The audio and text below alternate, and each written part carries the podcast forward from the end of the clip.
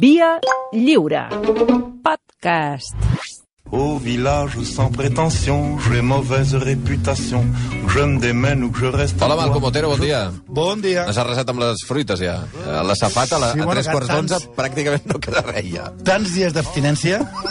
Hola, Santi Jiménez, bon dia. Déu-n'hi-do, però només pel mi, sí. Sí, sí. No, no, perquè és que arriba el i Dani, Meló, no? després el dia arriba el El Dani... síndria i meló eh, eh, han estat arrasats, que crec que eren dos trossos. La pinya està bastant perjudicada. Però papaya queda tota, eh? Papaya.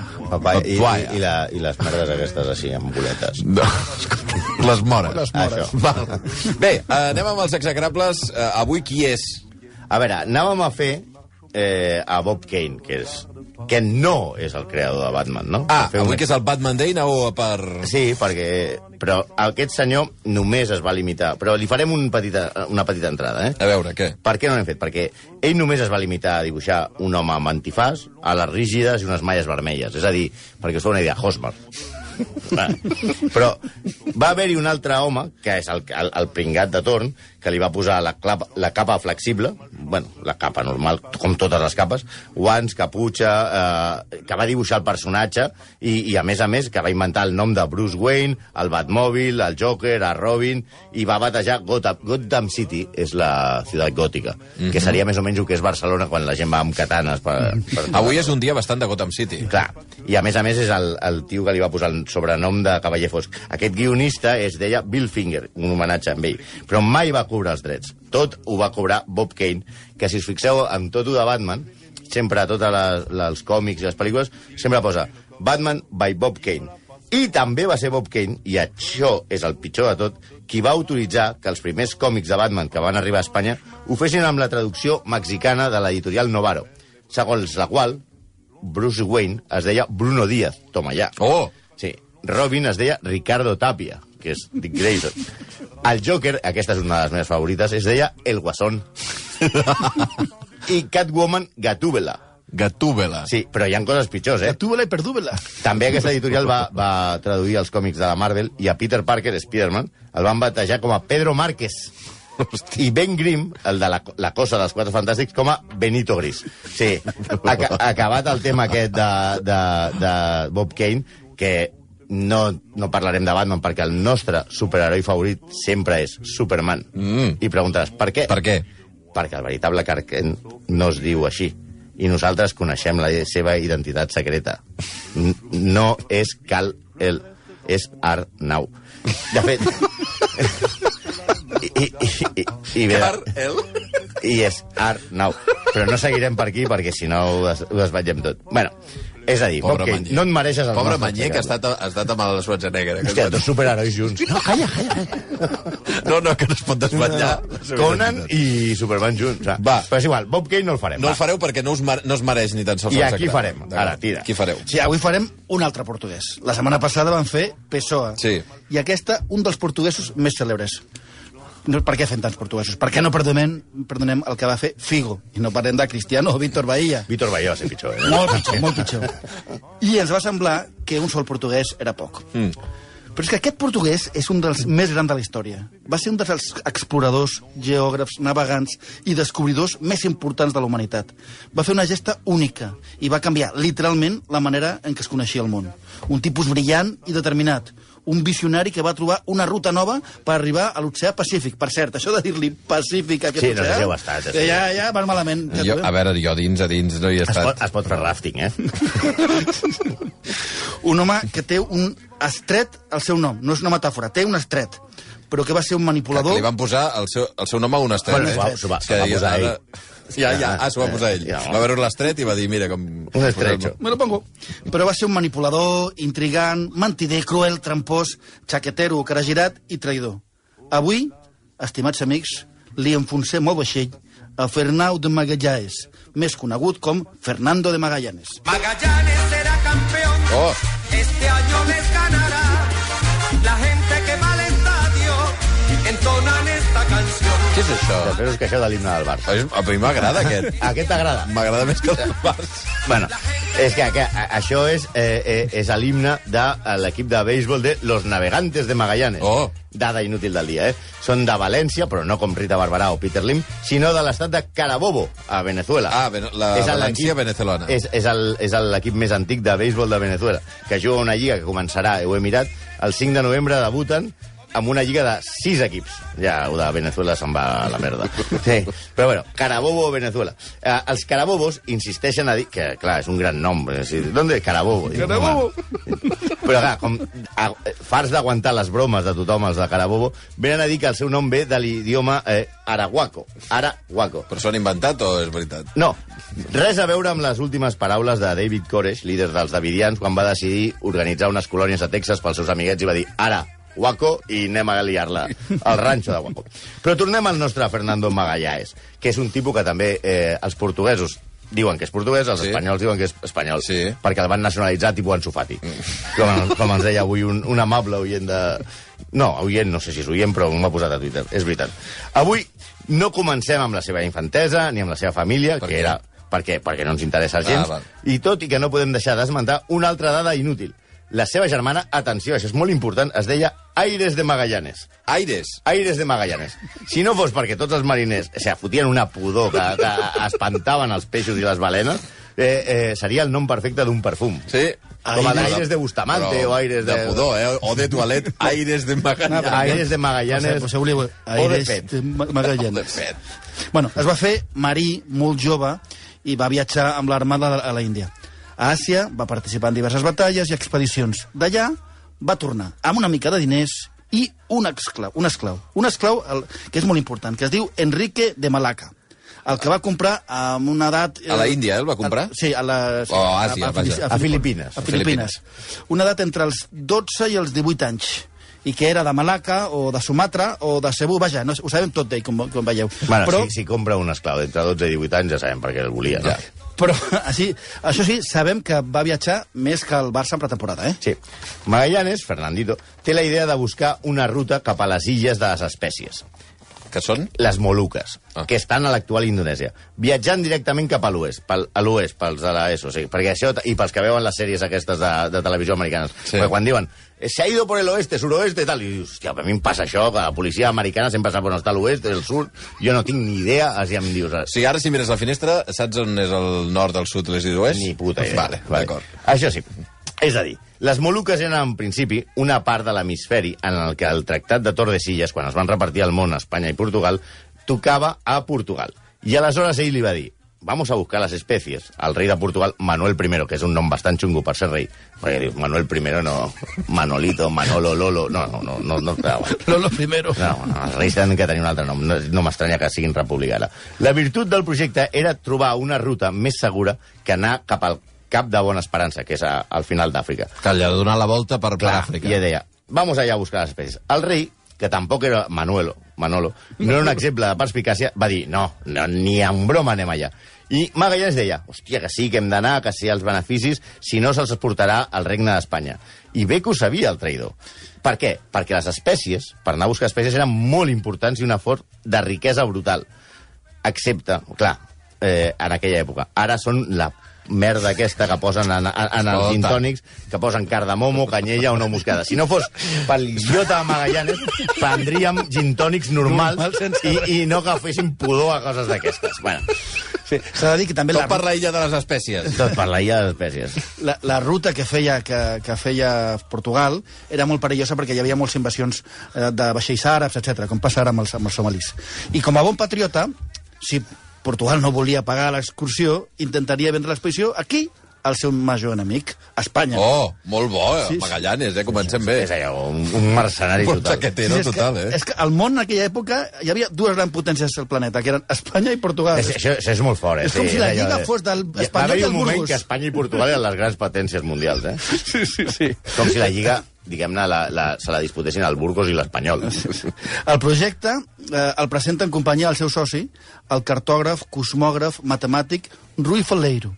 Faleiro és important perquè assegurava que segons els seus càlculs, les Moluques eren a la part espanyola de la divisió de Tordesillas. És a dir, el tractat de Tordesillas es va dividir el mar en dos, mm -hmm. i el que estava a la dreta era pels espanyols i a l'esquerra pels, Els eh, portuguesos. pels portuguesos. I ell deia que aquestes illes estaven a la part... Va fer uns Espanyola. càlculs i que estava a la part espanyola. Però Això ningú feia- sabia gaire, no?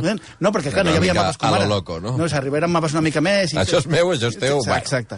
Això feia que els espanyols poguessin arribar a les Moluques, a les illes de les espècies, sense trepitjar aigües portugueses, però a més, podria ser que les illes de les espècies fossin seves. En un temps rècord, en dos anys, pensem que Colom va trigar 9 anys, és a dir, un nou. Tenia el suport de la corona. Sí, sí. Bonica sintonia. Sí, però va ser l'avís de dir, compte que s'ho quedaran els espanyols, que els portuguesos van dir, vale, vale, vale, vale, vale, Magallanes, Clar. el que tu vulguis. I aquí tenim aquesta bonica sintonia Sí. de guitarra, Sí, la guitarra que no són aquesta. els Manel abans de fer aquesta cosa que han fet, sinó que eh, només ho hem posat perquè l'intèrpret es diu Amadeu Magallanes, un mestre de mandolina. Però Mm. tornem a Rui Faleiro, que és una persona molt oblidada per la història. No és un qualsevol, és un dels científics que va aconseguir establir amb més precisió la latitud i la longitud al mar. Bueno, cosa que havien fet els vikings molts anys abans, però que ell també eh, se l'ha quedat ell. En fi, que aquest era el soci, el partner de Magallanes. Però mai va arribar a embarcar-se en una expedició. Ah, no pujava al barco? No, eh, això és molt bé. Primer perquè va començar a tenir desavinences amb Magallanes, que ja veurem ara que és millor ficar-te amb Mike Tyson cabrejat que amb Magallanes, perquè tenia una mala llet de collons. Però sobretot perquè va començar a embogir el faleiro aquest. Hi ha dues versions. Una, que deia que el tio consultava molt l'horòscop i deia que l'horòscop li va dir moriria durant el viatge. A veure, tampoc era molt difícil. Si tu fas un viatge al segle, al segle XVI a, a, durant dos anys i mig, el més probable és que palmi. Sí, això no feia falta que li digués la bruja Lola. I l'altre és que s'havia embogit. En tot cas, la versió és exactament igual. Els que creuen en l'horòscop també tenen aquestes coses. El curiós és que li van prometre que aniria amb una nau que sortiria més tard. Tu agafes el cotxe escoba i vas darrere ja de vinc després. Però mai va existir. I per les seves... Però sí que Magallanes es va basar en els seus mapes i les seves notes per fer el que era la primera volta al món en vaixell. Sí, va ser substituït pel que fins llavors havia de ser només un veedor de l'armada. No sé si es, es diu proveïdor, veïdor... Veïdor. És encargado. Es diu Juan, era, era un tio que vigilava que, diguem que tot burocràticament es fes bé i era com... El, A l'encarregat del rei. Exacte. Estava Era- allà per controlar que tot Clar, sortís. clar. Entonces, el- l'emperador Carles... A veure, en què ens gastem els calés? Exacte, i estava allà i controlant que tot es fes en ordre. El perquè- controller. Ah, això. perquè, perquè Carles V volia que tot es fes eh, d'acord amb la llei. A més, perquè no es fi- fiava molt dels, dels portuguesos. Perquè fins i tot els defensors dels project, del projecte, com el poderós bisbe Fonseca, estaven molt preocupats perquè dos portuguesos estiguessin al comandament. Cal dir que hem dit que eh, van ser dos anys només, però no dos anys fàcils. En aquests dos anys, el rei de Portugal va intentar convèncer Magallanes que desistís. Després va amenaçar-lo de mort. I fins i tot alguns historiadors parlen de complots per matar el nostre Fernando. Després també hi havia suspicàcies eh, espanyoles, i no eren poques. Me puedo fiar, el miedo me ha hecho frío. Clar, és que... Déu-n'hi-do, eh? La, Per- per- per- la per- llista de playlist d'avui és... Eh, per... Luis Miguel, eh? Luis. Miguel, sí, sí. Que tampoc Confio. existiria si no haguessin descobert Amèrica, clar.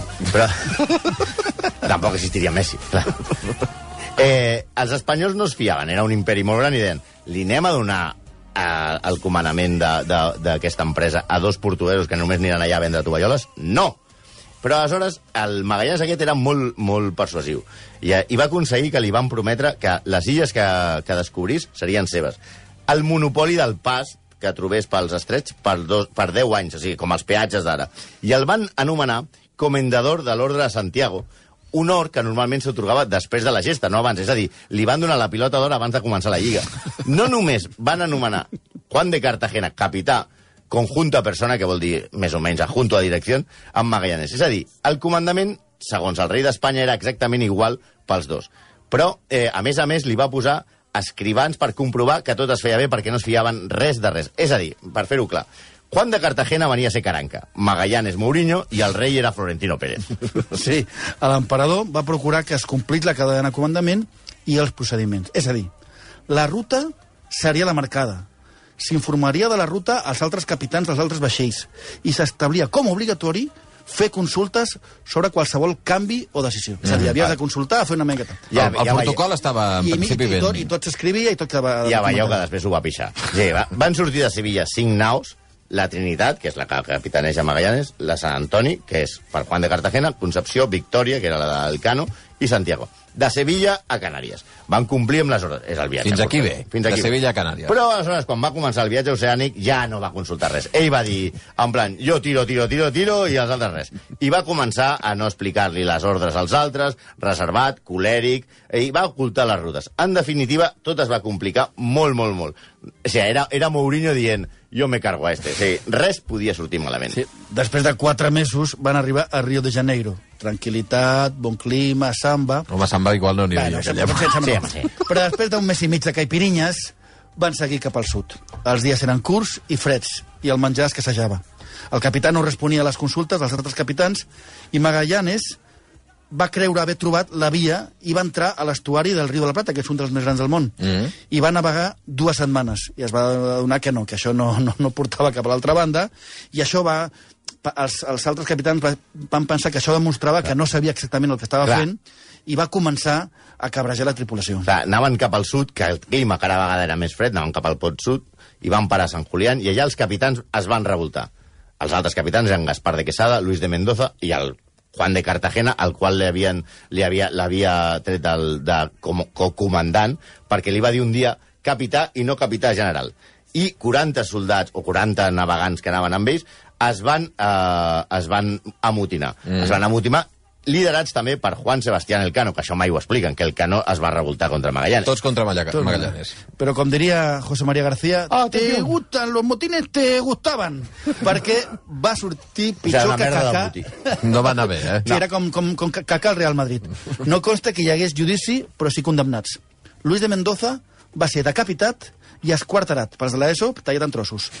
A de Juliana, Quesada- a la Juliana. Taca, taca, taca, la taca. Juliana. I Gaspar de Casada va ser, el, va ser primer enfilat a, a Espassa pel seu escuder, a qui van obligar si volia conservar la vida, i després també va ser decapitat, i els seus caps i les restes dels cossos van quedar penjat, eh, penjats a la vista de tothom, Va- van diversos mesos, per, a- per alliçonar i acollonir la tropa.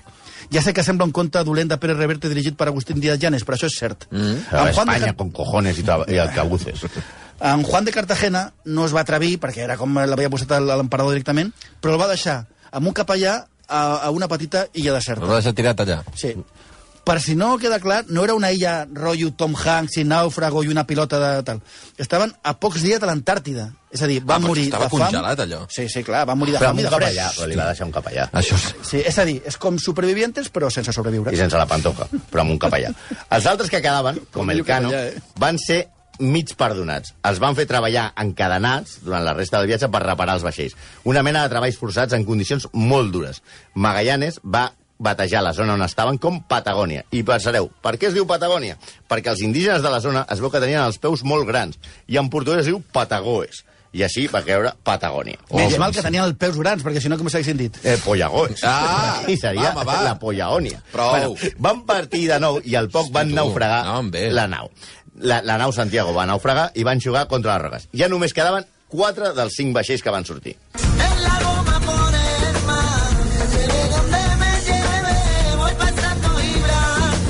Això és una cançó sobre el tràfic de drogues a l'estret. Ah, molt bé. Un altre estret, que és el de Gibraltar, però és Sí. igual, home, és igual. Ar bueno, arribem a l'estret de Magallanes. Abans de que es digués Magallanes. Clar, no es deia Magallanes, encara. No es deia de cap manera, de fet. Ell el va batejar com estret de tots els sants. Però, clar, cap de bona esperança i estret de tots els sants sonava massa a Genís Cinca. I al final li van posar Magallanes. Però no van arribar, to- no van arribar tots, perquè els que eren a la nau Sant Antonio van aprofitar el, el laberint aquest que hi ha de l'estret per marxar de tornada a Espanya. Oye, que me voy pa casa. Tu. Que me piro. De fet, una teoria diu que en tornar van descobrir les Malvines i per això en els mapes antics apareixia com Illes de Sant Antoni. En resum, ja només queden tres vaixells. Ui. Però tres vaixells, però no se'n va anar un vaixell normal, es va anar al vaixell, que era el que portava els queviures i... Home! I, clar, i de l'estret... El del menjar. Clar, i quedava des de l'estret de Magallanes fins a les Illes Marianes, els, tribunal, els tripulants van passar penúries i més gana que un mestre d'escola, que deien abans. Menjaven restes de pa ja amb cucs i amb morins de rata. I sobretot la dieta es basava en rata. Ah. Rata a la planxa, rata... Sí, pagaven, pagaven un escut per una rata. Oh. I fins i tot, i això ho escriu eh, Magallanes, diu que es menjaven fins i tot el cuir dels cinturons o de les botes que hi havia Què perquè el anaven mastegant. L'escorbut, que és, eh, a part d'un grup punky molt bo, també era una malaltia que per, per falta de vitamina C començava a arrasar. Entre tota la tripulació no feien mitja dentadura. Què els hi va passar als desertors en arribar a Espanya? Doncs els van detenir, els van interrogar, i en veure les barbaritats de Magallanes els van deixar marxar. Ah, no es va fer res. No, i mentrestant Magallanes va canviar d'actitud. La veritat, menys els capitans i mariners portuguesos, el seu esclau, Ja, encara tenia l'esclau allà. L'esclau és molt important, eh, ja Sí, veureu. l'italià Antonio Pigafetta, que escrivia un diari parlant Això és de... conya, no? No, Pig- no, Pigafetta. Pigafetta, Pigafetta, que escrivia un diari parlant de Magallanes com si fos una barreja entre Batman i Zeus.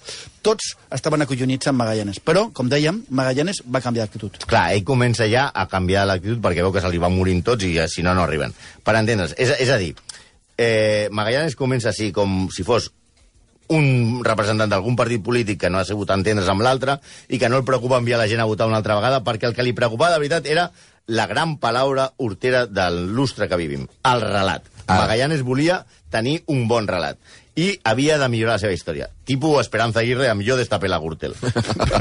Però quan un és de cagar-la, és de cagar-la. Arriba a Cebú, que no és un animal, és a Filipines, i es fica, contràriament a la llei, en guerres locals.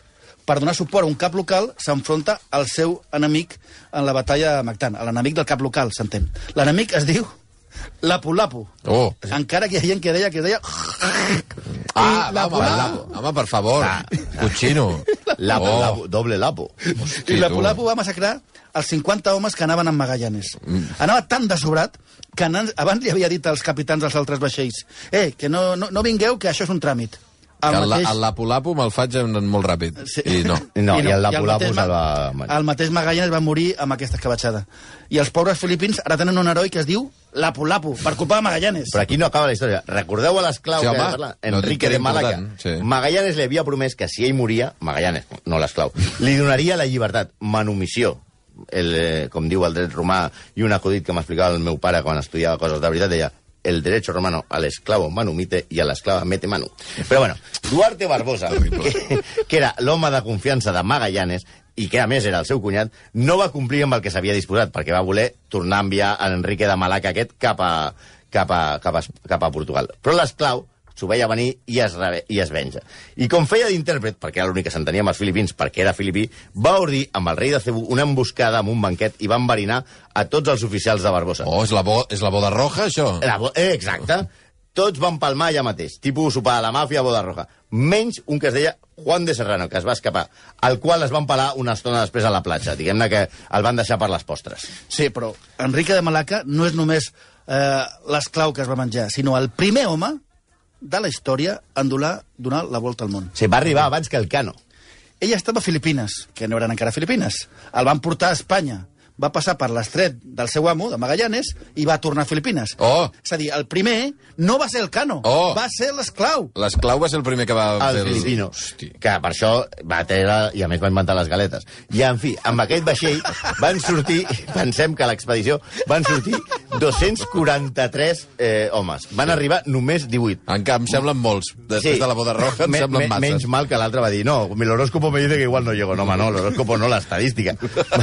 va, això, però això ja és una altra història. Aquesta és la història d'un tipus, Magallanes, que es va vendre al millor postor, va ser un trampós molt cruel i que va morir per idiota. Execrables. Avui Fernando de Magallanes eh, passant a formar nòmina del, de la gent més execrable de, de la història mundial. Gràcies, Santi, gràcies, Malcolm. Quedeu-vos a mudar a la Patagònia. No, no. Magallanes se deien accent madrileny. Magallanes. Bien entendu.